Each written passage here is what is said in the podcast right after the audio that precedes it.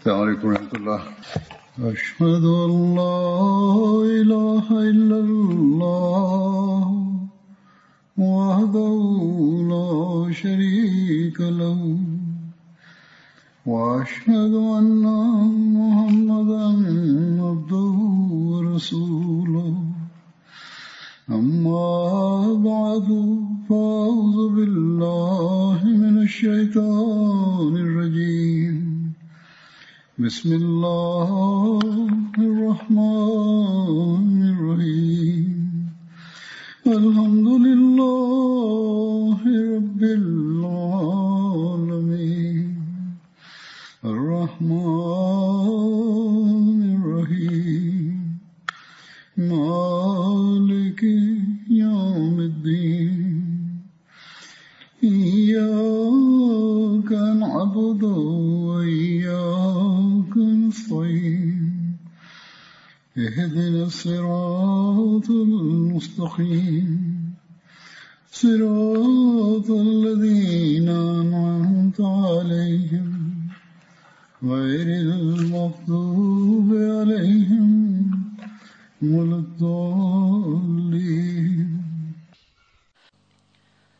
2022ခုနှစ်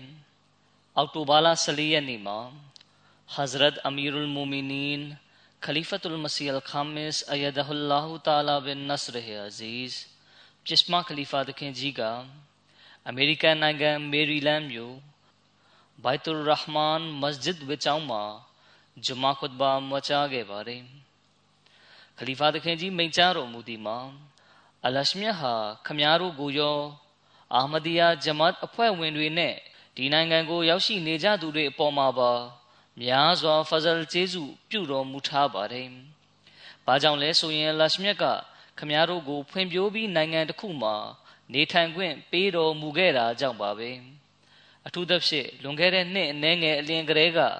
များစွာသော အာမဒီတွေဟာဒီနိုင်ငံကို ပြောင်းရွှေ့လာခဲ့ကြသလိုယခုလည်းပြောင်းရွှေ့နေထိုင်လျက်ရှိကြပါတယ်။ ပါကစ္စတန်နိုင်ငံရဲ့အခြေအနေကတနေ့တခြားပုံမပြင်းထန်ဆိုးရွားလာတာကြောင့်အာမဒီတွေဟာအဲ့ဒီမှာနေထိုင်ရက်တီလို့မရလောက်အောင်ခက်ခဲသွားခဲ့ပါပြီဒီလိုကြောင့်သူတို့ဟာဒီနေရာကိုဟစ်ဂျရတ်ပြုပြောင်းရွှေ့လာရခြင်းဖြစ်ပါတယ်ဒီနိုင်ငံမှာအဖိနှိတ်ခံအာမဒီများစွာကိုခိုလုံနေထိုင်ခွင့်ပြုပေးတဲ့အတွက်အာမဒီတွေအနေနဲ့ ဒီနိုင်ငံအစိုးရပိုင်းပုဂ္ဂိုလ်တွေကိုလည်းကျေးဇူးတင်ရပါမယ်ဒါပေမဲ့အလရှမြတ်ကအားလုံးထပ်ပို့ပြီးကျွန်တော်တို့အာမဒီတွေပေါ်မှာကြီးမားတဲ့ဖဇလ်ကျေးဇူးပြုတော်မူထားပါတယ်အဲ့ဒီကျေးဇူးတရားကတော့အရှင်မြတ်ဟာကျွန်တော်တို့ကိုဒီခေတ်ကာလရဲ့အီမမ်ခေါင်းဆောင်တမန်တော်မြတ်ဆလလောလဟ်အလိုင်းအာအမှန်တကယ်ချစ်မြတ်နိုးသူမစီမောဦးကိုလက်ခံယုံကြည်ခွင့်ပေးခဲ့တယ်ဆိုတာပါပဲ ဒီတော့ကျွန်တော်တို့ဟာအလရှမြတ်ကိုမိမြပင်ကျေးဇူးတိတတ်ပါစေနဲနေပါဦးမယ်အလရှမြတ်ကိုကျေးဇူးတိတတ်ဖို့ဆိုတာကလည်းကျွန်တော်တို့ဟာအရှင်မြတ်ရဲ့အမိန့်ပြည့်ညတ်တော်တွေနဲ့အညီလိုက်နာရှောက်လန်းတော်မှသာဖြစ်နိုင်ပါလိမ့်မယ်။ဒါပြင်အလရှမြတ်ပေါ်ဖြည့်စည်းရမယ့်အဘာဒတ်တာဝန်ကိုခြေပွန်ရမှာဖြစ်သလိုအရှင်ဖန်ဆင်းကံလူသားတွေပေါ်ဖြည့်စည်းရမယ့်တာဝန်တွေကိုလည်းခြေပွန်ရမှာဖြစ်ပါတယ်။ ဒီလိုအစဉ်မျိုးရောက်ဖို့ဆိုတာကလည်း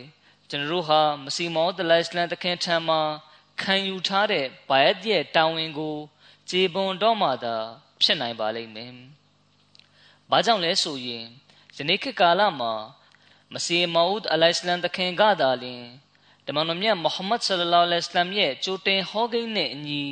ပွင့်ပေါ်ကြွားမြန်းလာတဲ့လမ်းညွှန်ရှင်ဖြစ်တာကြောင့်ပါပဲ တခင်ကြီးကအစ္စလာမ်ရဲ့စစ်မှန်တဲ့တွင်တင်ချက်တွေနဲ့အညီလိုက်နာရှောက်လန်းဖို့ကျွန်တော်တို့ကိုတွင်တင်လမ်းပြခဲ့ပါတယ်ဒါကြောင့်ယနေ့အစ္စလမ်တွင်တင်ချက်အစစ်မှန်ကိုမစီမောဦးအလိုင်စလမ်တခင်အားဖြင့်ပဲရရှိနိုင်တယ်ဆိုတာကိုအာမဒီတိုင်းမျက်မှောက်ပြုထားဖို့လိုပါတယ်။ဘာကြောင့်လဲဆိုရင်ဒီခေတ်ကာလမှာအလရှမြတ်ထံတော်မှကျမ်းမြတ်ကုရ်အာန်ရဲ့အသိပညာနဲ့ဉာဏ်စဉ်တွေအစ္စလာမ်ရဲ့အစစ်မှန်သဘောကို ထိုးထွင်းသိမြင်နိုင်စွမ်းအားချီးမြှင့်ခံရသူက သခင်ကြီးသာလျှင်ဖြစ်တာကြောင့်ပါပဲ။သခင်ကြီးသာလျှင်တမန်တော်မြတ်ဆလလောလဟ်အလัยဟိဝါစလမ်အားအမှန်တကယ်ချစ်မြတ်နိုးသူတဦးဖြစ်ပါတယ်။ဒါ့အပြင်တခင်ကြီးကတမန်တော်မြတ်ဆလလောလဟ်အလัยဟ်ရဲ့တွင်တင်မိန့်မာချက်တွေဆွန်နတ်လမ်းစဉ်တွေနဲ့အညီမိမိရဲ့ဂျမတ်ကိုပဲ့ပြင်းထိမ့်သိမ့်လိုပါတယ်။ဒါကြောင့်စစ်မှန်တဲ့မွတ်စလင်ဖြစ်လာဖို့အတွက် မစီမောဒ်လိုင်စလန်တခင်ဘတ်တို့သာအာယုံပြုကြည်ရှုကြရမှာဖြစ်ပါတယ်။ဒါပြင်တခင်ကြီးတင်ပြတဲ့နီလန်းတွေနဲ့အညီ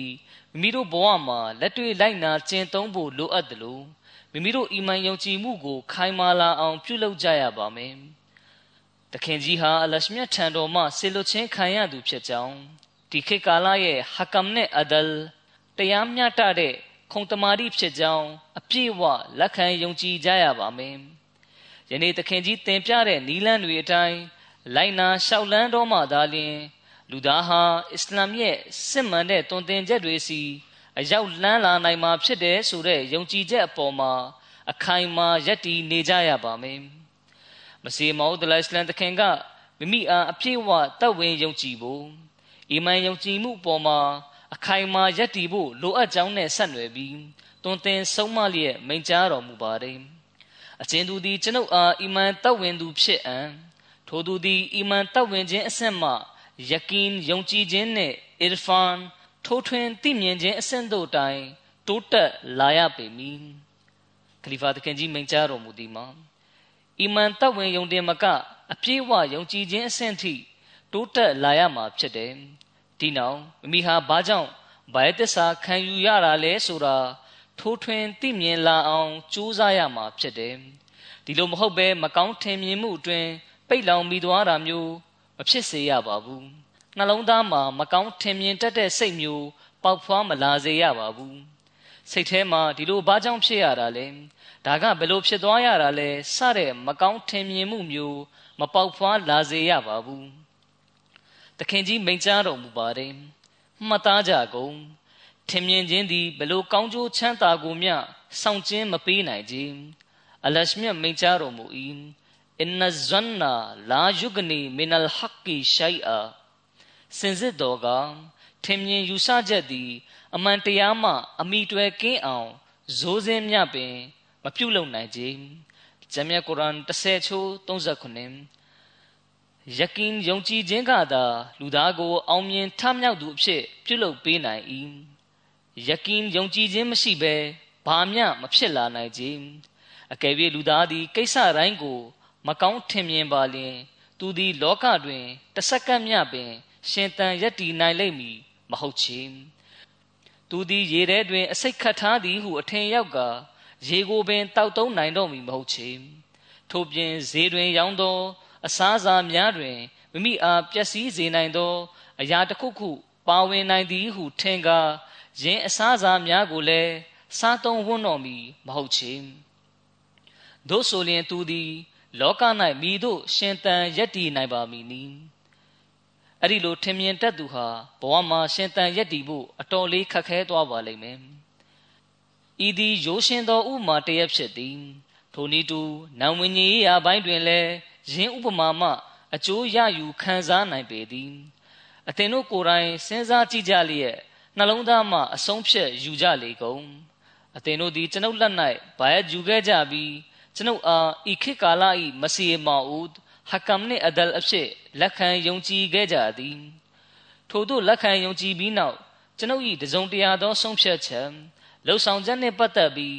စိတ်နှလုံးအတွင်းအလိုမကျမှု မကောင်းထင်မြင်မှုတို့ရှိသည်ဆိုလျှင်မိမိတို့၏အီမန်ယုံကြည်မှုအတွက်တောကဖြစ်ကြလေကုန်ဆိုရင်စိတ်များနှင့်တန်တရားများဖြင့်ပြည့်နှက်လျက်ရှိသောအီမန်ယုံကြည်မှုသည်မိသည့်ကောင်းကျိုးရလဒ်ကိုမျှဆောင်ကျင်းမပေးနိုင်ကြသို့သောအသင်တို့သည်စစ်မှန်ရိုးဖြောင့်သောစိတ်နှလုံးဖြင့်မစီမောဦးသည်အမှန်တကယ်ပင်ဟကမ်ခုံတမာရီဖြစ်သည်ဟုလက်ခံယုံကြည်ပါလျင်သူ၏အမိန်စကားနှင့် လှုပ်ဆောင်ချက်ရှိမောက်လက်နက်ချလိုက်ကြလေကုန်သူ၏ဆုံးဖြတ်ချက်များကိုတလေးတစားရှုမြင်ကြလေကုန်တို့အားဖြင့်အသင်တို့သည်တမန်တော်မြတ်ဆလလောလဟ်အလัยဟ်၏စင်ကြယ်သော အမိတ်စကားရများကိုဂုံပေးလေးစားသူများအထွတ်မြတ်ထားသူများဖြင့်တတ်မှတ်ခြင်းခံရစေရန်တည်းတမန်တော်မြတ်ဆလလောလဟ်အလัยဟ်၏တတ်သေးခံချက်သည်သာလုံလောက်ပါ၏ကိုတော်ကပွင့်ပေါ်ရန်ရှိသော မစီမောဦးသည် အသင်တို့၏အီမမ်ခေါင်းဆောင်ဖြစ်မိအကြောင်းတရားမျှတသော ခုံတမာတိဖြစ်မိအကြောင်းအာမခံချက်ပေးခဲ့သည်တို့ရှိလင်ကစားအသင်တို့သည်ယင်းအပေါ်စိတ်ကျေနပ်မှုမရှိလျင်ဘယ်တော်များမှ စိတ်ကျေနပ်ကြပါမည်နီတစ်ဖက်တွင်အီမန်ယုံကြည်ကြောင်းကြွေးကြော်တော်လဲနှလုံးသား၌မကောင်းထင်မြင်မှုအငြိကျေးရှိနေသည်ဆိုလျင် ထိုလောက်ရက်မှာ ကောင်းမြတ်၍မင်္ဂလာရှိသောလောက်ရက်အလင်းမဖြစ်နိုင်ကြ ခလီဖာသခင်ကြီးမိန့်ကြားတော်မူပါတယ်လူဟာအပေါ်ယံယုံကြည်ကြောင်းကြွေးကြော်နေပေမယ့်တချို့ရေးကိစ္စတွေပေါ်မှာမကောင်းမြင်စိတ်ရှိတတ်ကြပါတယ်သခင်ကြီးမိန့်ကြားတော်မူပါတယ်ကျွန်ုပ်အားလက်မခံညှင်းဆန်၍ဝေဖန်စောရကပြုကြသူများမှာ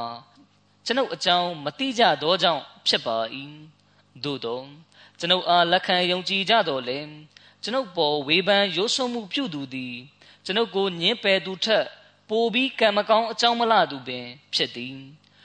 ထိုသူသည် အမြင်ရှိသည့်တိုင်ကမ်းသွားခဲ့သူဖြစ်သည်ဂလီဗာသခင်ကြီးမိန့်ကြားတော်မူပါတယ်ပြောရရင်ဒါသာလျှင်ကျွန်တော်တို့ရဲ့အတွင်းမှာရှိသင့်ရှိအပ်တဲ့အီမန်ယုံကြည်မှုရဲ့စံချိန်စံညွှန်းပဲဖြစ်ပါတယ်မိမိနောက်မှာခလာဖတ်စနစ်ပေါ်ထွန်းလာမဲ့အကြောင်းမစီမောဒလက်စနန်တခင်ကပဲကျွန်တော်တို့ကိုကြိုတင်အတီးပေးခဲ့ခြင်းဖြစ်ပါတယ်မစီမောဒလက်စနန်တခင်ကိုရိုင်းသားမက တမန်တော်မြတ်ဆလလောလဟ်အလัยဟ်ကလည်းမစီနဲ့မဟဒီပွင့်ပေါ်ကြွားမြန်းခြင်းနဲ့အတူကယာမတ်နေ့တိုင်တည်တတ်မဲ့ခလာဖတ်စနစ်လည်းပေါ်ထွန်းလာမှာဖြစ်ကြောင်းကြိုတင်အတိပေးမိန့်ကြားတော်မူခဲ့ပါတယ်။အာဟမဒီယာခလာဖတ်စနစ်ကမစီမောဒလရှနန်တခင်ချမှတ်ခဲ့တဲ့နီလန်တိုင်းဆက်လက်လှုပ်ဆောင်လျက်ရှိတဲ့နိဇမ်စနစ်ရန်တရားတစ်ခုဖြစ်ပါတယ်။ဟကမ်နဲ့အဒလ်ဘွဲကုံရှင်ရဲ့ဆုံးဖြတ်ချက်တွေကို ဆက်လက်တည်တံ့စေတဲ့နိဇမ်စနစ်တစ်ခုဖြစ်ပါတယ်။အာဟမဒီတိုင်းကတစ္ဆာဒိဋ္ဌံရွတ်ဆိုတဲ့အခါအမြဲတမ်းခလာဖတ်နဲ့ဆက်နွယ်ပေါင်းစည်းလျက်နေမဲ့အကြောင်းခလာဖတ်ကိုနာခံမဲ့အကြောင်းတိုင်တဲဂရီးပြုကြပါတယ်ဒီတော့ဂရီးပြုထားတာနဲ့အညီခလာဖတ်နဲ့ဆက်နွယ်ပေါင်းစည်းနေဖို့ခလာဖတ်ကိုနာခံဖို့အာမဒီတိုင်းပေါ်မှာမပြုတ်မနေရတာဝန်တရက်တင်ရှိသွားပါပြီ ဒီလိုမဟုတ်ရင်ကျွန်တော်တို့ခံယူထားတဲ့ဘိုင်တ်ကပြည့်စုံမှုမရှိတဲ့ဘိုင်တ်ဖြစ်သွားပါလိမ့်မယ်ဒါကြောင့်အာမဒီတိုင်းအနေနဲ့မိမိတို့ရဲ့အီမန်နဲ့ယကင်ယုံကြည်မှုအပိုင်းမှာတိုးတက်လာအောင်ပြုလုပ်ဖို့အမြဲတမ်းကြိုးစားနေကြရပါမယ်ဒီနောက်ဂျမ်မြတ်ကုရ်အာန်ကိုအာယုံပြုစင်ကြင်လျက်ဖတ်ရှုဖို့ကုရ်အာန်ပါအနတ်တိတ်ဘယ်တွေကိုတည်နာလဲအောင် ပြုလုပ်ဖို့အကြောင်းနဲ့ဆက်နွယ်ပြီးမစီမောဒလိုင်အစ္စလမ်တခင်မိန့်ကြားတော်မူပါတယ် ကျွန်ုပ်နဲ့ဆက်နွယ်ပေါင်းစည်းနေကြသူများကိုအကြောင်းကိစ္စတစ်ခုနဲ့ပတ်သက်ပြီးအကြိမ်ကြိမ်တွင်တင်ဆုံးမလျက်ရှိပါသည်အလရှမြတ်ဒီဤအသင်းတော်အားအမှန်တရားကိုဖွင့်လှစ်ရန်တီထောင်တော်မူရခြင်းဖြစ်သည်အကြောင်းမူလက်တွေ့ဘဝတွင် အမှန်တရားမရှိဘဲမိသည့်နံတရားဆိုင်ရာအလင်းရောင်မှ မပေါက်ဖွားလာနိုင်သောကြောင့်ပင် ဖြစ်သည်လက်တွေ့ကြင်ကြံမှုအမှန်တရားအဖြစ်ကမ္ဘာလောကမှာ အစ္စလမ်အလာတရားပေါ်လွင်ထင်ရှားလာရန်ကျွန်ုပ်ရည်ရွယ်လိုလားပါ၏ထို့ကြောင့်ပင်အလရှမြတ်သည်ကျွန်ုပ်အားဤမှုတော်ကိုထမ်းရွက်ရန်ဆေလွတ်တော်မူရခြင်းဖြစ်သည်ထို့ကြောင့်ဂျမ်းမြတ်ကုရ်အာန်ကိုအမြောင်များဖတ်ရှုကြလေကုန်သို့တော့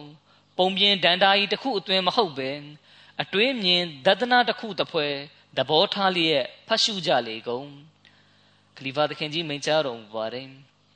ဒါကြောင့်အာမဒီတိုင်းအနေနဲ့မိမိတို့ဟာလောကီရုပ်ဝတ္ထုပစ္စည်းတွေတဲ့နင်မွန်းလျက်ဘာယသစ္စာခံယူရခြင်းရဲ့ရည်ရွယ်ဥတီချက်ကိုမေးလျော့သွားခဲ့ပြီလားဆိုတာ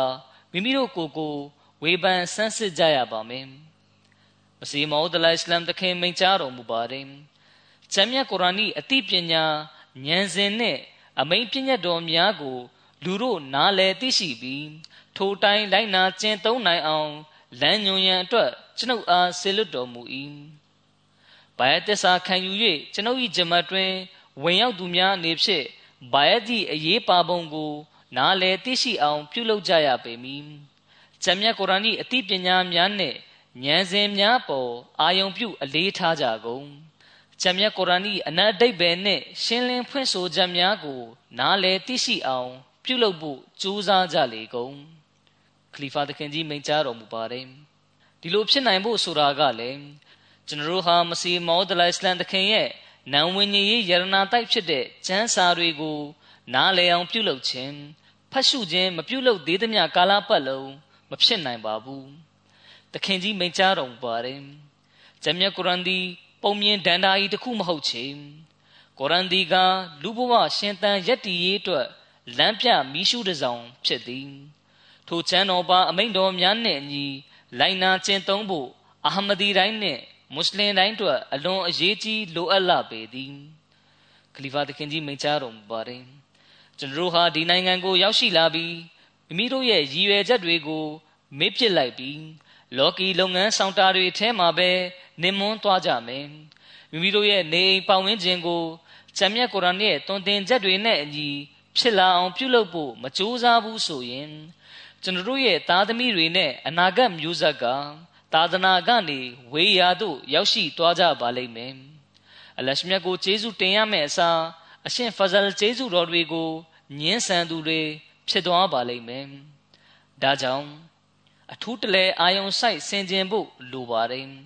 ရှေးဦးအာမဒီဖြစ်စေအာမဒီအစ်စ်တွေဖြစ်စေဒီနိုင်ငံမှာမွေးဖွားတဲ့အာမဒီတွေဖြစ်စေ နိုင်ငံရခြားမှဒီနေရာကို ပြောင်းရွှေ့လာတဲ့အာမဒီတွေဖြစ်စေအာမဒီတိုင်းအနေနဲ့အလရှမြတ်နဲ့နီးစပ်မှုကိုရရှိဖို့အရှင်မြတ်အားအဘာဒတ်ခဖို့စည်းကပ်ခြင်းတာဝန်ကိုကျေပွန်ဖို့အရှင်ကျမ်းတော်ကို နားလည်အောင်ဖတ်ရှု၍ကျမ်းတော်ပါအမိန့်တိုင်းလိုက်နာကျင့်သုံးဖို့စတာတွေကကျွန်တော်တို့ရဲ့အဓိကရည်ရွယ်ချက်ဖြစ်ရပါမယ်ဒီလိုမှပဲဘာယတ်ရဲ့တာဝန်ကိုကျေပွန်သူတွေဖြစ်နိုင်ပါလိမ့်မယ် ဟစ်ဂျရတ်ပြုပြောင်းရွှေ့လာသူတွေဟာဒီနေရာကိုရောက်လာတဲ့အတွက်လောကရဲ့ဆန့်ကျင်မှုတွေကနေလွတ်မြောက်သွားပေမယ့်သာသနာတော်ပေါ်မှာယက်တီလျှောက်လန်းနေကြသူတွေအနေနဲ့ဂျမ်မြတ်ကုရ်အန်ကိုတည်နာလဲခြင်းမရှိဘူးဆိုရင်အလရှမြတ်ဖဇလ်ကျေးဇူးတော်ကနေအကျိုးရရှိခံစားသူတွေဖြစ်နိုင်လိမ့်မှာမဟုတ်ပါဘူးထိုနည်းတူအာမဒီယတ်ထဲအသက်ဝင်ရောက်လာကြသူတွေဒါမှမဟုတ် ဒီနိုင်ငံမှာနေထိုင်ကြတဲ့ရှေးဦးအာမဒီတွေအနေနဲ့ဘိုင်ယူလိုက်ယုံနဲ့ရည်ရွယ်ချက်ပြီးမြောက်သွားပြီလို့မထင်လိုက်ကြပါနဲ့ဘိုင်ရဲ့ရည်ရွယ်ချက်ပြေဝလာဖို့ဆိုတာကကျွန်တော်တို့ဟာမိမိတို့ကိုယ်ကိုအစ္စလာမ်တွင်တင်ချက်တွေရဲ့ပြရုပ်တစ်ခုဖြစ်ပြုလုပ်နိုင်တော့မှသာဖြစ်နိုင်ပါလိမ့်မယ်ဒီအဆင့်ကိုရောက်ရှိဖို့ဆိုတာကလည်းကျွန်တော်တို့ဟာအလရှမြရဲ့ကျမ်းတော်ကိုဖတ်ရှုပြီးနားလည်အောင်မပြုသေးသမျှကာလပတ်လုံး မဖြစ်နိုင်ပါဘူးမစီမောဒလစ္စလန်သခင်မိန့်ကြားတော်မူပါတယ်ကျွန်ုပ်အမှန်ဆိုသည်ကဤသည်အလရှမြတ်ကကံထူးသူများအလို့ငါတီထောင်သောအသင်းတော်တစ်ခုဖြစ်၏ဤအသင်းတော်မှအကျိုးရယူခံစားသူတို့သည် မင်္ဂလာရှိကြ၏ကျွန်ုပ်နှင့်ဆက်နွယ်ပေါင်းစည်းလျက်ရှိကြသောအသင်တို့သည်မိမိတို့၏ရည်ရွယ်ဥတီချက်၌ပြည့်မြောက်သွားခဲ့လေပြီဟုအထင်မရောက်ကြလေနှင့် ကျွန်ုပ်အားအပြင်းထန်ဆန့်ကျင်၍ဝေဖန်ရိုးစွတ်ကာဖျားသခင်အရှင်မြတ်၏အမျက်တော်ရှာခြင်းခံရသောမယုံကြည်သူတို့နှင့်ရှင်လင်တော့အသင်တို့သည်ပို၍ကံကောင်းထောက်မသူများဖြစ်ကြသည်မှာမှန်၏ထို့ပြင်အသင်တို့သည်အကောင်းမြင်စိတ်ဖြင့်လှုပ်ဆောင်လျက်မိမိတို့ကိုယ်ကိုဖျားသခင်ရှင်မြတ်၏အမျက်တော်မှလွတ်မြောက်ဖို့တောကားရှိကြသူများဖြစ်သည်မှာလည်းမှန်ပါ၏အမှန်မှာက အသင်တို့သည်အမြဲတည်မိဘဝအလို့ငါယနေ့ခေတ်ကာလတွင် အရှင်မြတ်ပြုလုပ်ထားသော ထိုစမ်းပေါက်အနီးသို့အရောက်လန်းလာခဲ့ပြီဖြစ်တော်လဲယခုထိုစမ်းမရေကိုတောက်သုံးရန်ကကြံသေး၏ထို့ကြောင့်အသင်တို့အားရေငတ်ပြေစိမ့်သောငါဘုရားသခင်အရှင်မြတ်ထံတော်မှဖဇလ်ကျေးဇူးတော်နှင့်ဂယုဏတော်ကို တောင်းခံလျက်နေကြကုန်အကြောင်းမူဘုရားသခင်မရှိဘဲဘာမျှမဖြစ်နိုင်သောကြောင့်ပင် ခလီဖာသခင်ကြီးမိန့်ကြားတော်မူပါတယ်အလရှမေဖဇလ်ကျေးဇူးသာမရှိရင်ဘာမှမဖြစ်လာနိုင်ပါဘူးဒါကြောင့်အလရှမေဖဇလ်ကျေးဇူးတော်ကိုအမြဲတမ်းမျှော်လင့်တောင့်တနေကြရပါမယ်သခင်ကြီးမိန့်ကြားတော်မူပါတယ်ကျွန်ုပ်အသေးချာနားလေသိရှိပါ၏အကျဉ်သူသည် ထိုဆမ်းမှရေကိုတောက်သုံးပါကပျက်စီးလိမ့်မည်မဟုတ်ချေအကြောင်းမူဤရေသည်ဘဝအသက်ဆက်ပေးသော ရေစဉ်ဖြစ်သောကြောင့်ပင် လူသားအားပျက်စီးခြင်းမှကဲတင်လွတ်မြောက်စေပြီးရှိုက်တန်ဤထိုးနှက်တိုက်ခိုက်မှုများမှလုံခြုံစွာကာကွယ်မှုပေးလေ၏ဤစမ်းကြောင်းမှရေကိုတောက်သုံးခြင်းဆိုသည်မှာအဘယ်သဘောပါနည်းရင်းမှာကအအလရှမြတ်ကအသင်တို့ပေါ်ပြဋ္ဌာန်းထားသောတောင်းဝင်နှစ်ရက်ကိုလက်တွေ့လိုက်နာ၍အပြည့်အဝကျင့်သုံးထမ်းဆောင်ခြင်းဖြစ်သည်ယင်တောင်းဝင်နှစ်ရက်အနက်တစ်ခုမှာ ဖျားသခင်အရှင်မြတ်ပေါ်ဖြည့်ဆည်းရမည်တာဝန်ဖြစ်ပြီးကြံတစ်ခုကဖန်ဆင်းကံလူသားတို့ပေါ်ဖြည့်ဆည်းရမည်တာဝန်ဖြစ်သည်မိမိတို့၏ဖျားသခင်ရှင်မြတ်ကိုတဆူရီတပါးရီဖြစ်တော်မူပြီးရှင်ဘတ်ထားကိုးကွယ်ရာမရှိသောအရှင်ဖြစ်ကြောင်းနားလည်မှတ်ပိုက်ကြလေကုန်အသင်တို့သည်အရှဟဒူအလ္လာအီလာဟာအီလလာအလာမရဘာအခြားခတ်ဝကိုးကွယ်ရာအရှင်မရှိကြောင်းကျွန်တော်မျိုးတတ်သိခံပါ၏ဆိုသည့်စာသားကို တိုင်တဲရွတ်ဆိုကြ၏ဆိုလိုသည်မှာအလရှမြတ်မှလွဲပြီးအခြားမိသည့်ကိုးကွယ်ရာအရှင် ဖြည့်စည်းပေးတော်မူသောအရှင်ချီးမြှင့်ပေးကမ်းတော်မူသောအရှင် မရှိဟု၏ဤသည်အဘယ်မျှချစ်ဖွယ်အတိပြီးသော စာသားပါနည်းအကယ်၍ထိုစာသားကိုယဟုဒီများအီစာဤခရိယန်များနှင့်ရုပ်စင်းသူကိုးကွယ်သောမုရှရစ်များကိုတင် जा ပေးခဲ့ပါလျင်၎ င်းတို့သည်ယင်း၏အတိမ်နှင့်သဘောကိုနားလေသိရှိသွားမည်ဖြစ်သောကြောင့်အလင်းပျက်စီးခဲ့မည်မဟုတ်ချေ၎င်းတို့ထံတွင် ထိုကဲ့သို့ပြီးပြည့်စုံသော စာသားတစ်ခုမရှိခဲ့သောကြောင့်၎င်းတို့အပေါ်ပျက်စီးခြင်းနှင့်ဒုက္ခတို့သည် ပြိုဆင်းလာခဲ့ပြီး၎င်းတို့၏ဝိညာဉ်သည်ဖီစည်းမှုဖြင့်ခြုံငိမ့်ပျက်စီးသွားခဲ့လေသည်ခလီဖာသခင်ကြီးမိန့်ကြားတော်မူပါတယ်မစီမောဒလရှလန်သခင်ကကျွန်တော်တို့ကိုဘယ်ပုံဘယ်နည်း စိတ်ကျေနပ်မှုပေးပြီးအာမခံချက်ပေးခဲ့ပါသလဲသခင်ကြီးကအသင်တို့ဟာစမ်းချောင်းအနီးသို့ရောက်ရှိလာခဲ့ကြတယ်ဆိုလိုတာကဘိုင်သစ္စာခံယူပြီးအာမဒီဖြစ်ကြောင်းတော့ကြွေးကြော်ခဲ့ပြီးဖြစ်တယ်အကယ်၍အဲ့ဒီစမ်းချောင်းကရေကိုတောက်သုံးမယ်ဆိုလိုတာကစကလုံးတသက်မဟုတ်ပဲလက်တွေ့လိုက်နာကျင့်သုံးမှုလည်းပြုမယ်ဆိုရင်အသင်တို့ရဲ့နံဝင်ခြင်းပိုင်းအခြေအနေကပျက်စီးလိမ့်မှာမဟုတ်ဘူးဆိုပြီးမိန့်ကြားတော်မူခြင်းဖြစ်ပါတယ်။ ဘာကြောင့်လဲဆိုရင်မစီမောဒလိုင်စလန်တခင်ကကျမ်းမြတ်ကုရ်အာန်ရဲ့သတင်းစကားအလရှမြတ်ရဲ့အမိန့်ပြည့်ညတ်တော်တွေကိုရှေ့ဆက်ဖြန့်ချီဖို့အတွက်ကမ္ဘာလောကသို့ပွင့်ပေါ်ကြွားမြန်းလာခြင်းဖြစ်တာကြောင့်ပါပဲ။မစီမောဒလိုင်စလန်တခင်ကြီးမိန့်ကြားတော်မူပါတယ်။ဘိုင်သစ္စာခံယူလိုက်ုံတတ်တတ်ဖြစ်မလုံလောက်ကြောင်းနားလေကြလေကုန်။အမှန်မှန်အရှင်မြတ်သည်လက်တွေ့လိုက်နာကျင့်သုံးမှုကိုလိုလားတော်မူ၏ အကျဉ်သူသည်ဘာယတ်စည်းကမ်းချက်များနှင့်အညီလက်တွေ့လိုက်နာကျင့်သုံးပါအံထိုသူသည်အလရှမိတ်ဖဇလ်ကျေးဇူးတော်မှလက်လွတ်ဆုံးရှုံးသူ အလင်းဖြစ်လိမ့်မည်မဟုတ်ချေထို့ပြင်သူသည်မိသည့်အခါမျှပျက်စီးလိမ့်မည်မဟုတ်ချေထို့သောလက်တွေ့လိုက်နာကျင့်သုံးမှုအခြေအနေကအရှဟဒူအလ္လာအီလာဟာအီလလာအလာမတပါအခြားခောက်ဖို့ကိုးကွယ်ရာအရှင်မရှိကြောင်းကျွန်တော်မျိုးတက်တေခံပါဤဆိုသည့်ကလေးမာစာသားက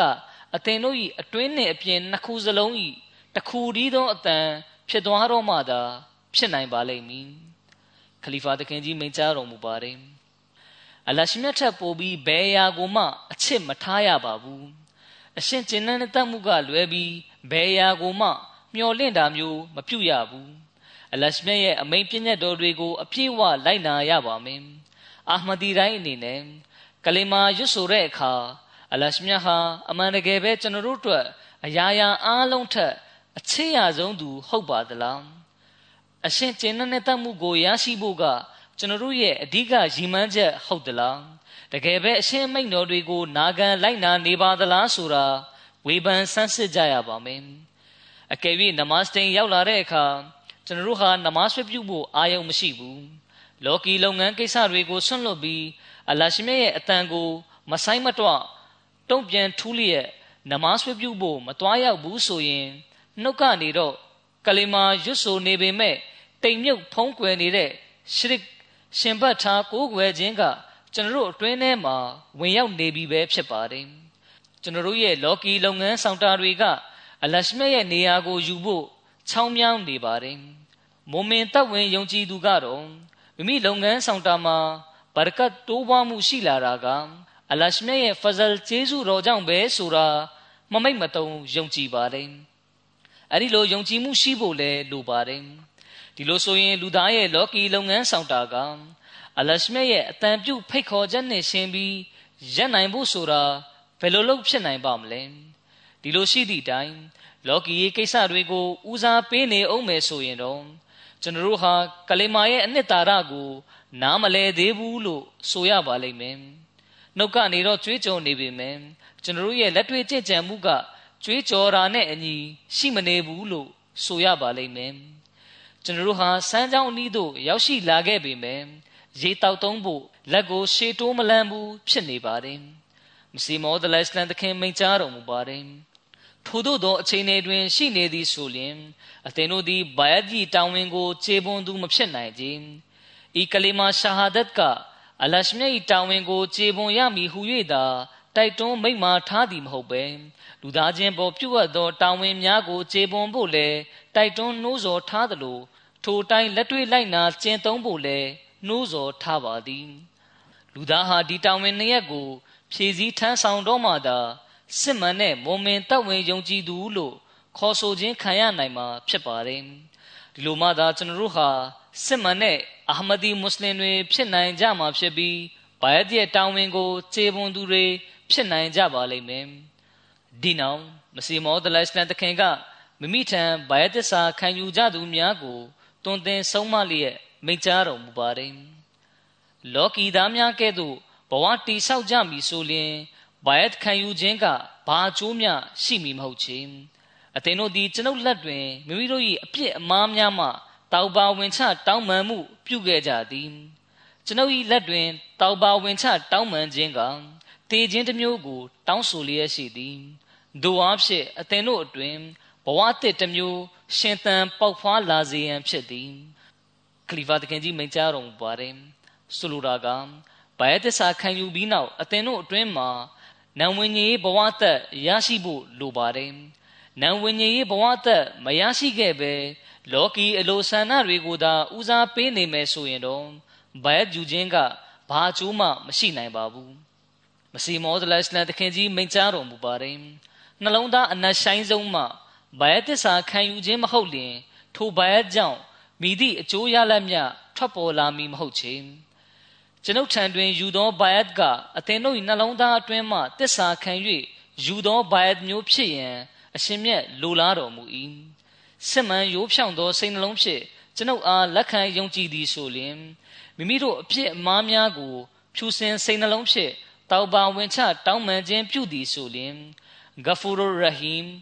အပြစ်များအားခွင့်လွှတ်ချမ်းသာပေး၍အဖန်တလဲလဲတနာကျင်နာတော်မူသောအရှင်ကသူ၏အပြစ်အမှားများကိုမုတ်ချခွင့်လွတ်တော်မူမည်ဖြစ်သည်ထို့ပြင်သူသည်မိခင်ဝမ်းမှမွေးဖွားလာသောကလေးငယ်တဦးပမာဖြစ်သွားလေသည် ထိုအခါတွင် ကောင်းကင်တမန်များကလည်းသူ့အားကာကွယ်စောင့်ရှောက်ပေးလိမ့်မည်ပစီမောဒလစ်လန်တခင်ကြီးမိန့်ကြားတော်မူပါတယ်ရွာတရွာ၌သူတော်ကောင်းတဦးမျှရှိသည်ဆိုလျင်လည်းအလရှမြတ်သည်သူ၏ကောင်းမှုပြုခြင်းကို ထောက်ထား၍ထိုရွာကိုပျက်စီးခြင်းမှကယ်တင်တော်မူ၏သို့သောပျက်စီးခြင်းစိုက်ကပ်လာသည့်အခါလူတိုင်းသည်ရင်တံကိုခံစားကြရ၏ထိုတို့အခြေအနေတွင် အရှင်မြတ်သည်မိမိဗန္တာစေတော်များကိုတနည်းမဟုတ်တနည်းဖြင့်ပျက်စီးခြင်းမှကယ်တင်တော်မူလေသည်အလရှမြတ်၏ဆွနတ်ကျင့်ထုံးအစဉ်လာမှာထိုတိုင်းပင်ဖြစ်ပြီးသူတော်ကောင်းတဦးသာရှိသည်ဆိုရင်လည်းအရှင်မြတ်သည် သူ့အားထောက်ထား၍အခြားသူများကိုလည်းကယ်တင်တော်မူ၏ခလီဖာသခင်ကြီးမိန့်ကြားတော်မူပါတယ်ဒီတော့ဒီအခြေခံစည်းမျဉ်းမူကို အမြဲမှတ်သားထားရပါမယ် အလရှမြတ်ကမိမိရဲ့အထူးသီးသန့်ဖြစ်သောအစေတော်လူသားတွေရဲ့ဆုတောင်းမှုတွေကိုနားထောင်တော်မူပြီးလက်ခံဖြေကြားတော်မူပါတယ်ဒါပြင်၎င်းတို့ရဲ့ကောင်းမြတ်တဲ့ကြင်ကြံမှုတွေကိုလက်ခံတော်မူပါတယ်ဒါကြောင့်ကျွန်တော်တို့အနေနဲ့မိမိတို့ရဲ့စူးစမ်းမှုတွေကအလရှမြတ်တွတ်တတ် ဖြစ်စေရပါမယ်ကျွန်တော်တို့ရဲ့ကြင်ကြံအားထုတ်မှုတွေကအလရှမြတ်ရဲ့ကျင့်တဲ့တတ်မှုကိုရယူတာမျိုးဖြစ်ရပါမယ်လက်ရှိကမ္ဘာအခြေအနေကိုကြည့်မယ်ဆိုရင် အလွန်ကြောက်မက်ဖွယ်ကောင်းတဲ့ပြတ်သုံးမှုအခြေအနေကိုကျွန်တော်တို့လူသားတွေဘက်သို့ခေါ်ဆောင်လာနေတာကို တွေ့နေရပါတယ်မနေ့ကပဲအမေရိကန်သမ္မတကအကယ်၍ရုရှားသမ္မတကသူ့လက်နက်တွေကို ထုတ်သုံးမယ်ဆိုရင်ကျုပ်တို့ဘက်ကလည်းပြန်လဲတုံ့ပြန်ရလိမ့်မယ်ဆိုပြီးဖြေကြားခဲ့ပါတယ်အဲ့ဒီလိုအပြန်လန်တစ်ဖက်နဲ့တစ်ဖက်တိုက်ခိုက်ပြီးဆိုရင်တော့ကဘာပြတ်မဲ့အခြေအနေသို့ဆိုက်ရောက်ပါလိမ့်မယ်ဒီတော့ မိမိတို့အမိမြေကနေပြောင်းရွှေ့လာကြသူတွေအနေနဲ့ဒီနိုင်ငံမှာနေထိုင်ရတာလုံခြုံစိတ်ချရပြီလို့မထင်လိုက်ကြပါနဲ့ကဘာပေါ်ကဘယ်နေရာကမှ လုံခြုံမှုမရှိပါဘူးအင်အားကြီးနိုင်ငံကတမရတွေရဲ့အုံနောက်အသိဉာဏ်ကကြပြောင်းကြပြန်ဖြစ်တဲ့အခါသူတို့ကဘာကိုမှကြည့်မှာမဟုတ်ပါဘူးဘာကိုမှလည်းမြင်မှာမဟုတ်တော့ပါဘူးဒီလိုအခြေအနေမျိုးမှာအာမဒီတွေအနေနဲ့ ဒဝါဆူတောင်းမှုနဲ့လှုပ်ဆောင်ရပါမယ်မိမိတို့ရဲ့ဝိပုစည်းကမ်းမှုတွေကိုအလရှမြတ်အတွက်တီးတန့်ပြုလုပ်ရပါမယ်အလရှမြတ်ကလူကောင်းလူမွန်တွေကို ထောက်ရှုလျက်အခြားသူတွေကိုလည်းကဲတင်တော်မူတယ်လို့မစီမောတလရှလန်တခင်ကမိန့်ကြားထားပါတယ်ဒါကိုလည်းအလရှမြတ်ရဲ့ကြံကံဖြစ်တဲ့ကျမ်းမြတ်ကုရ်အာန်အားဖြင့်လည်းကျွန်တော်တို့သိရှိရပါတယ်ဒါကြောင့်မိမိတို့ဟာအနောက်နိုင်ငံတွေကိုရောက်ရှိလာပြီးလုံခြုံသွားပြီး မိမိတို့သားသမီးတွေရဲ့အနာဂတ်တွေစိတ်ချသွားရပြီလို့မထင်မှတ်လိုက်ကြပါနဲ့တကယ်ကအဲ့ဒီလိုမဟုတ်ပါဘူး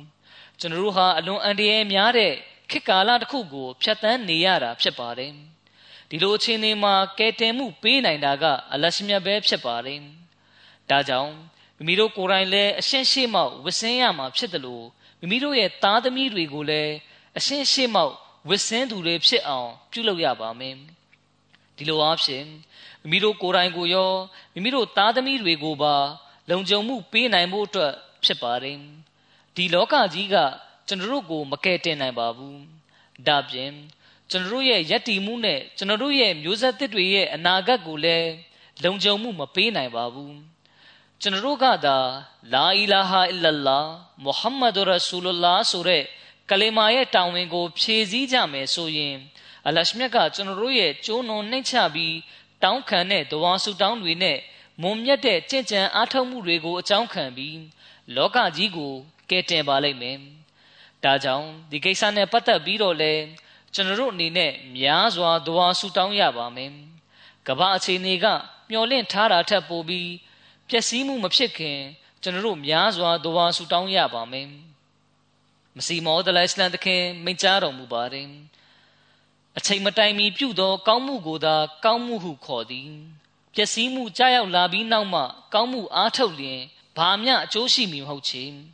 တဘာဝစိတ်အားအလျောက်ပြုလုပ်သော ကောင်းမှုမှအပါဘုရားသခင်သည်မိတို့သော ကောင်းမှုကိုမျှလက်ခံခြင်းမရှိကြသင်မောနစ်ပြီးဆိုလျင် လူတိုင်းငိုကြွေးတတ်ကြ၏တို့ရာတွင် ထိုတို့အော်ဟစ်ငိုကြွေးခြင်းကတဘာဝစိတ်မှဖြစ်သောရလတ်ဖြစ်ပြီး ပျက်စီးချိန်တွင်ယင်းကအကျိုးမပြုနိုင်ကြမပျက်စီးခင်တည်ငြိမ်အေးချမ်းသောအခြေအနေ၌ငိုကြွေးမြည်တမ်းမှသာအကျိုးရှိနိုင်ပေသည်မှတ်သားကြကုန်အရှင်ကိုရရှိနိုင်မိလျှို့ဝှက်ချက်မှာပျက်စီးချိန်မချမီနိုးကြားတက်ကြွစွာဖြင့်လှုပ်ဆောင်စရာရှိသည်များကိုလှုပ်ဆောင်ခြင်းပင်ဖြစ်သည်အဘယ်သို့နိုးကြားတက်ကြွစွာဖြင့်ကောင်းမှုများကိုလှုပ်ဆောင်ရမည်နည်းဆိုသောမိမိပေါ်လျှက်စစ်မိုးကြိုး ကြာရောက်တော့မည်ဟုတည်တော်သူကဲ့သို့လှုပ်ဆောင်ရမည်အကယ်၍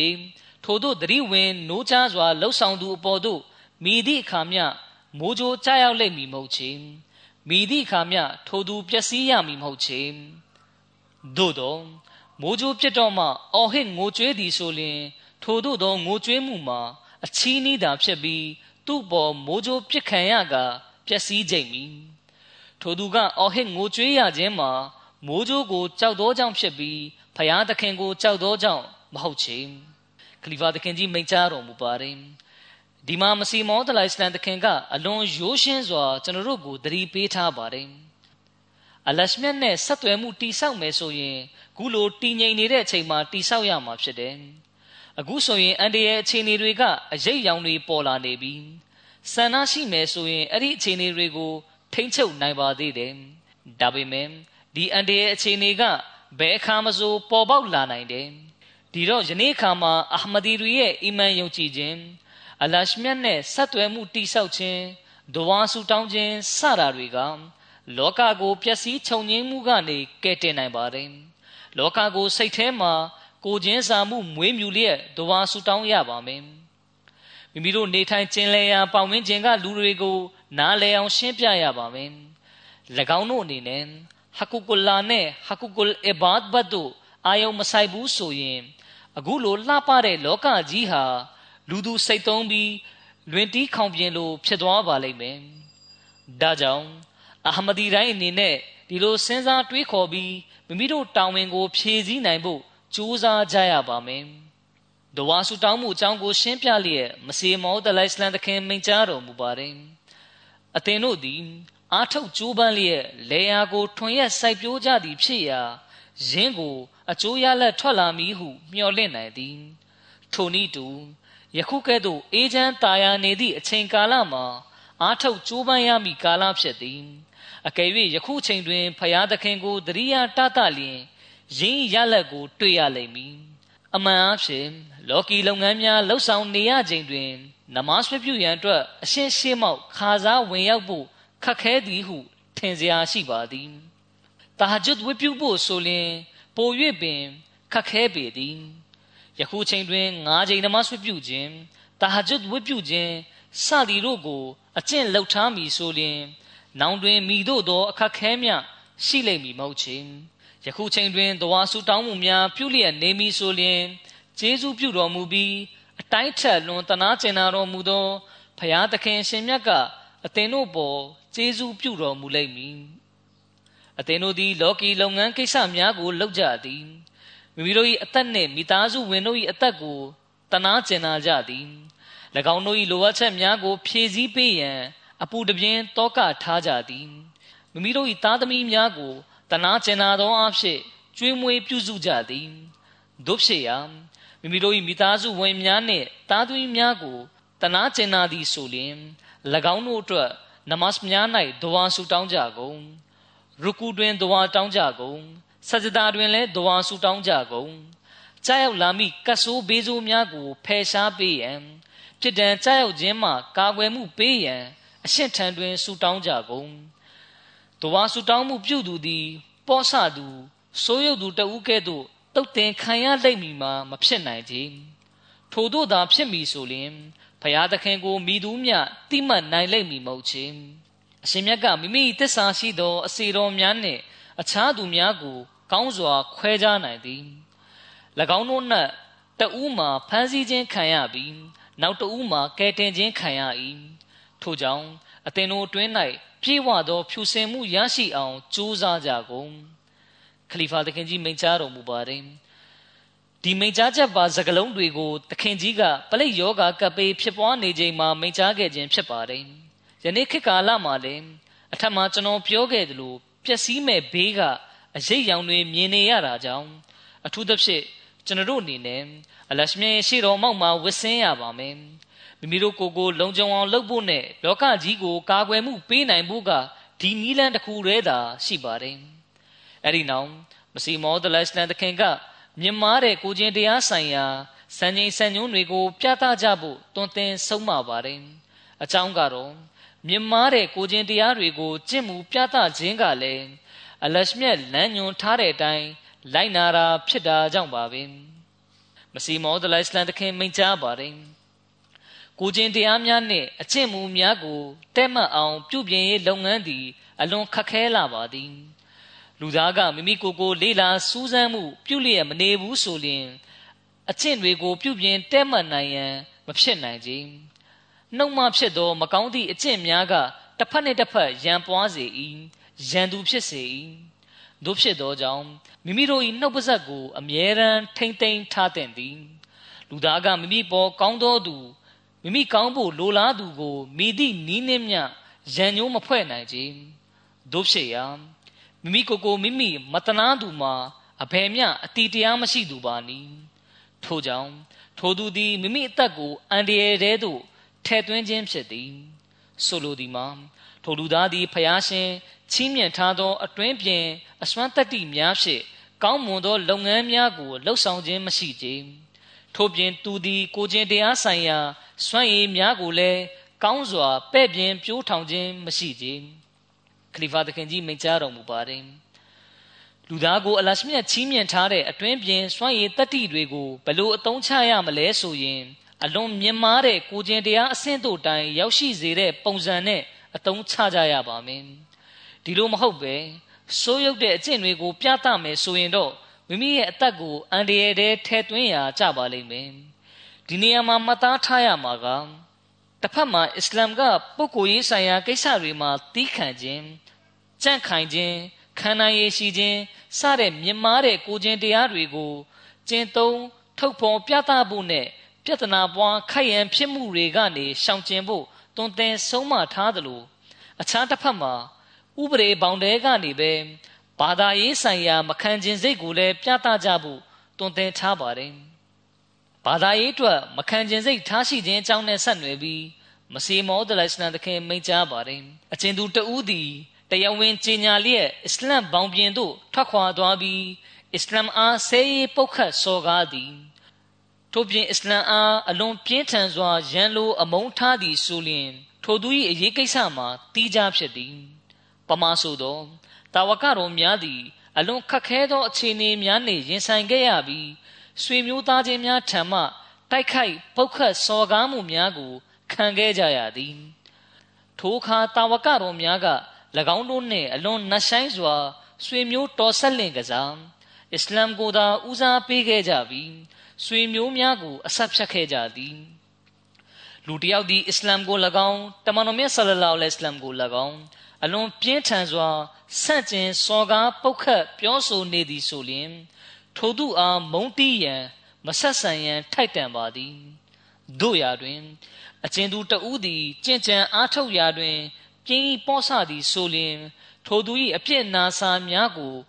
ခွင့်လွတ်ဥပေက္ခပြုရန်ထိုက်တန်ပါသည် ထိုသူနှင့်ဆက်ဆံရာတွင်မိတို့သော အဆက်ဖြတ်မှုကိုမျှမပြုဘဲပုံမှန်တိုင်းအဆက်သွယ်ပြုနေရပါမည်ခလီဖာတခင်ကြီးမိန့်ကြားတော်မူပါတယ်ဆိုလိုတာက ဘာသာရေးကိုစော်ကားပုတ်ခတ်တာမျိုးမရှိဘူးဆိုရင်အဲ့ဒီလူနဲ့ပုံမှန်ဆက်သွယ်နေရမှာဖြစ်တယ်ကောင်းကောင်းမွန်မွန်ဆက်ဆံရမှာဖြစ်တယ်ဒါပေမဲ့ဘာသာရေးကိုစော်ကားပုတ်ခတ်မယ်တမန်တော်မြတ်ဆလလောလဟ်အလัยဟ်နဲ့အစ္စလာမ်ကိုဆဲရေးတိုင်းထွာမယ်ဆိုရင်တော့သူ့ကိုနားလည်အောင်ရှင်းပြသည့်တိုင်မရက်တန့်ဘူးဆိုရင်မိမိအနေနဲ့ဘာသာရေးဆိုင်ရာမခံကျင်စိတ်ကိုပြသရပါမယ်ဒီတိုင်းပဲ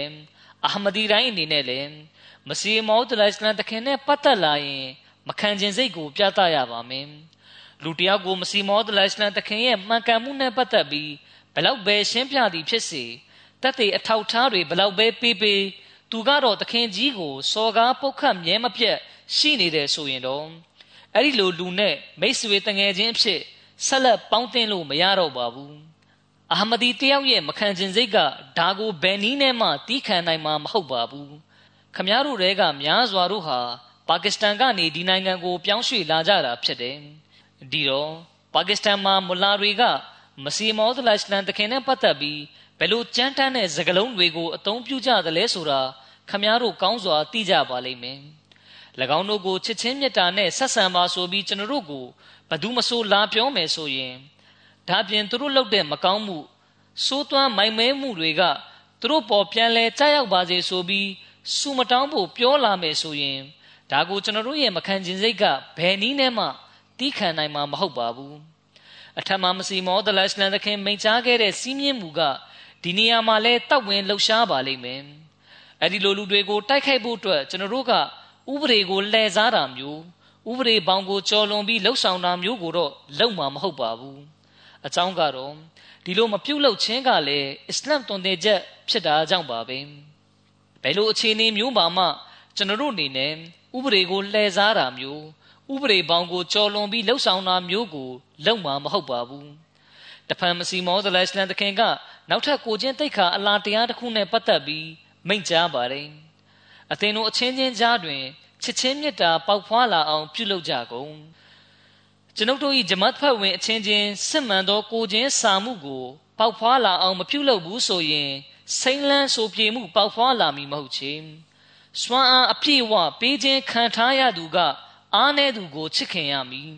တဦးတယောက်ကအခြားတယောက်ချွတ်ချော်တိမ်ပါသည်ကိုမြင်တွေ့ရလျင်ထိုသူအားသဘောထားကြီးစွာချစ်ခင်ကျင်နာစွာ ပြုမှုဆက်ဆံခြင်းမပြုဘဲမုံတီဆက်ဆုပ်ခြင်းဖြင့်ပြုမှုဆက်ဆံလေသည်ထိုနီးလန်းမှာမမှန်ကန်ပါခြင်းဂျမာအတ်ဆိုဒီမှာတဦးနှင့်တဦးအပြန်အလှန် အဖြစ်အနာစာများကို ဖုံးကားပေးသည့်အခါမှသာ ဖြစ်လာနိုင်ပါသည်ထို့ပြင်တဦးနှင့်တဦးညီကိုအရင်ချာကဲ့သို့ပြုမှုဆက်ဆံရပါမည်ဂျမတ်တစ်ခုအတွင်း၌အတွင်းပိုင်းဆိုင်ရာမကြေလည်မှုများအာဃာတများရှိခြင်းမှာမှန်ကန်သောနီလန်းမဟုတ်ပါခြင်းတာဝကတော်များသည်တဦးနှင့်တဦးကြားတွင်ချစ်ချင်းမေတ္တာနှင့်ညီကိုဖွဲ့မှုကို ပြုလုပ်ခဲ့ပါသည် ထို့သောဖြင့်ဂျမားတစ်ခုဖြစ်လာခဲ့လေသည်ခလီဖာတခင်ကြီးမိန့်ကြားတော်မူပါတယ်တခင်ကြီးကလည်းမိရဲ့နောက်လိုက်တွေကိုတာဝကတော်တွေလိုတဦးနဲ့တဦးအပြန်လန်ညီရင်ကိုဖွဲ့မှုချစ်ချင်းမေတ္တာဖြင့်ဆက်ဆံမှု ရှိရန်လိုလားပါတယ်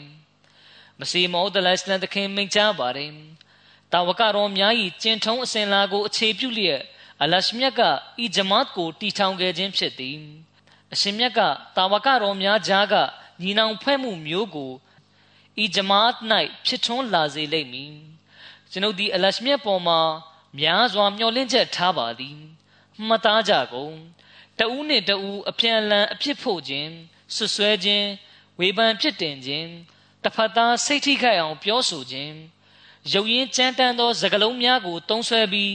အခြားသူ၏စိတ်မှာဒဏ်ရာရအောင်လုပ်ခြင်း အားနည်းမတက်တာသောသူများနှင့်ဆင်းရဲနွမ်းပါးသူများကို အထင်မြင်သေးခြင်းစသည်တို့မှာအလွန်ကြီးလေးသောအပြစ်များပင် ဖြစ်ပါသည်ခလီဖာသခင်ကြီးမိန့်ကြားတော်မူပါတယ်ဒီတော့တဦးရဲ့ခံစားချက်ကိုတဦးကလေးစားခြင်းဂယုဆိုင်တန်ဖိုးထားခြင်းကအလွန်မြင့်မားတဲ့ကိုခြင်းတရားတွေဖြစ်ပါတယ်ကျွန်တော်တို့ကြားမှာဒီယာတွေရှိမှသာကျွန်တော်တို့ဟာမစီမောဒလစလန်သခင်ရဲ့မျော်လင့်ချက်တွေအတိုင်းဖြစ်လာနိုင်ပါလိမ့်မယ်။ ဒါပြင်အလရှမြတ်ကဂျမာတ်တိုးတက်မှုနဲ့ပတ်သက်ပြီးသခင်ကြီးကို ပေးထားတဲ့အီလဟမ်ဂျာရိတ်ပါဂရီတော်တွေကလည်းပြည့်စုံလာပါလိမ့်မယ်။ဒီတော့မှသာကျွန်တော်တို့ဟာအလရှမြတ်ရဲ့ဖဇလ်ကျေးဇူးတော်တွေကိုရယူသူတွေဖြစ်နိုင်ပါလိမ့်မယ်။မစီမောဒလစလန်သခင်ရဲ့ခေတ်ကာလတုန်းကအိန္ဒိယနိုင်ငံရှိဘာသာပေါင်းစုံကလူတွေလူမျိုးနွယ်အသီးသီးကလူတွေကဂျမာထဲဝင်ရောက်လာကြပါတယ် အခုဆိုရင်တော့အလရှမြတ်ကမစီမောတလရှလန်တခင်ပေါ်ပြုတ်ထားတဲ့ဂရိတော်နဲ့အညီကဘာပေါ်ရှိလူမျိုးနွယ်အသီးသီးအသားရောင်အသီးသီးစတဲ့လူတွေအားလုံးကိုဂျမာတွင်ဝင်ရောက်စေတော်မူခဲ့ပြီးယခုထိလည်းဝင်ရောက်လာနေစေဖြစ်ပါတယ်ဒါဟာအလရှမြတ်ရဲ့လူမျိုးနွယ်တိုင်းပေါ်ပြုထားတဲ့ကျေးဇူးတော်ပဲဖြစ်ပါတယ်အလရှမြတ်က၎င်းတို့ကိုတမန်တော်မြတ်ဆလလောလဟ်အလัยဟ်ရဲ့နောက်လိုက်အစစ်မှန်ဖြစ်တဲ့အရှင်သူမြတ်ရဲ့ဂျမတ်မှာ ဝင်ရောက်နိုင်ခွင့်ပေးတော်မူခဲ့ပါတယ်ဒီလိုနဲ့၎င်းတို့အားလုံးကိုတစုတစည်းတည်းဖြစ်သွားစေခဲ့ပါတယ်မစီမောဒလိုင်စလန်သခင်မိန့်ကြားတော်မူပါတယ်အသင်တို့သည်ညီရင်အကိုကဲ့သို့ဖြစ်ကြသည်အသင်တို့၏ဖခင်များမှာတသက်စီဖြစ်ကြတော်လဲနံဝင်ကြီးဆိုင်ရာဖခင်မှာမူတူးတည်းဖြစ်၏ထို့ကြောင့်အသင်တို့သည်တစ်ပင်တစ်ခုထဲမှအကိုင်းခတ်များဖြစ်ကြသည်ခလီဖာသခင်ကြီးမိန့်ကြားတော်မူပါတယ်ဒီတော့ မိမိတို့ဟာဘယ်မျိုးရိုးကဆင်းသက်လာတဲ့ဆိုတာကိုမျက်ွယ်ပြုပြီးမိမိတို့ဟာလူဖြူလားအမေရိကန်လူမျိုးလားအာဖရိကန်လူမျိုးလားပါကစ္စတန်လူမျိုးလားအိန္ဒိယလူမျိုးလားစတာတွေကိုမေ့ပြောက်ပြီး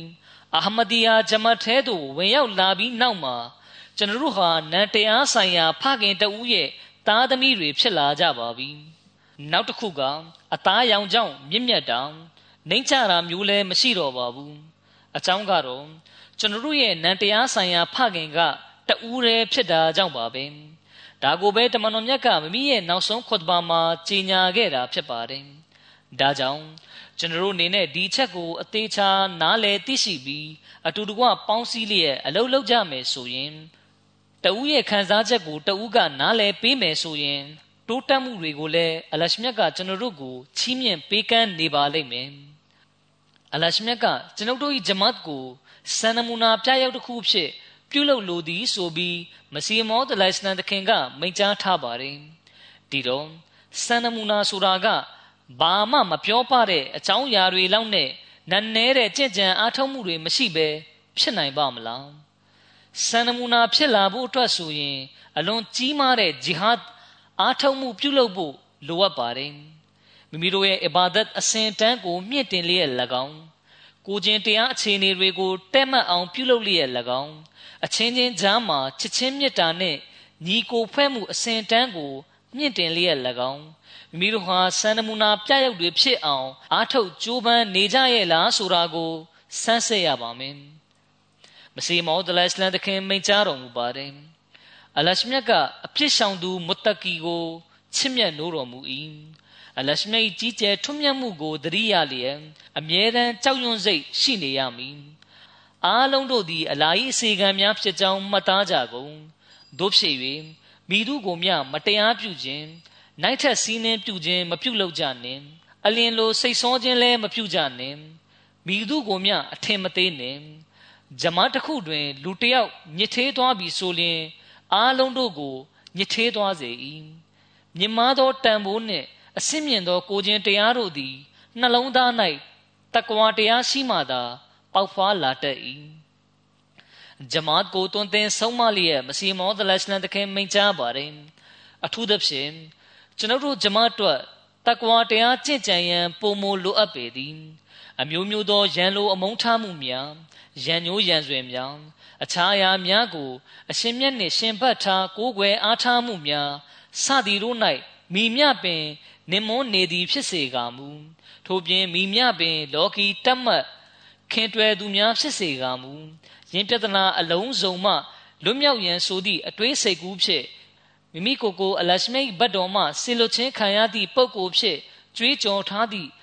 အရှင်သူမြတ်နှင့်လာရောက်ဆက်နွယ်မှုပြုထားခြင်းကြောင့်လည်းတကွာတရားကိုကျင့်သုံးရန်ပုံမိုလိုအပ်ပေသည်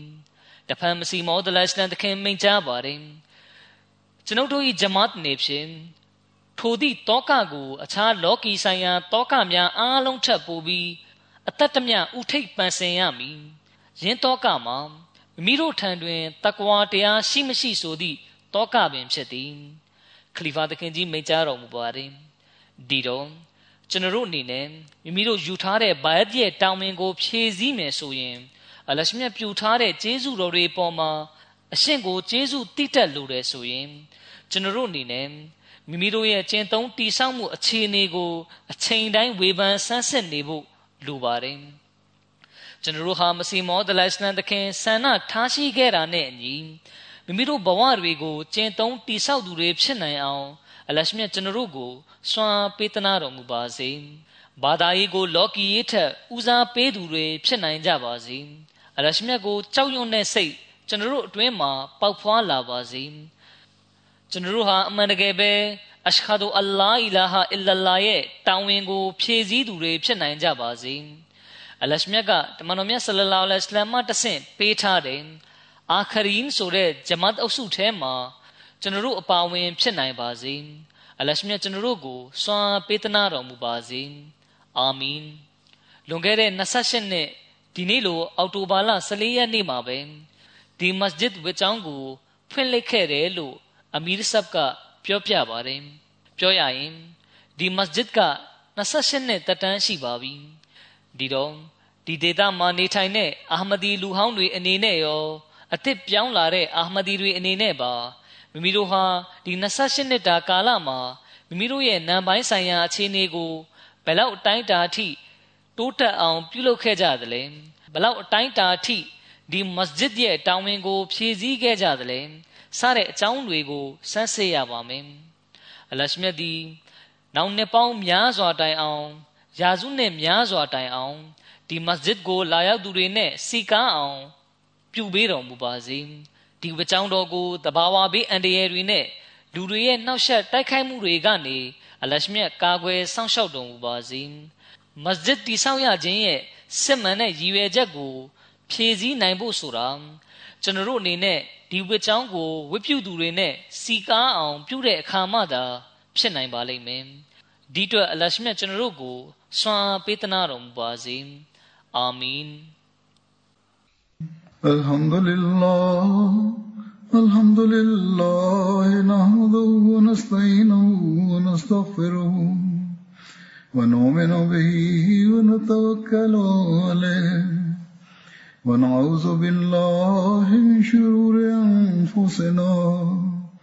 ومن سيئات أعمالنا. من يهده الله فلا مضل له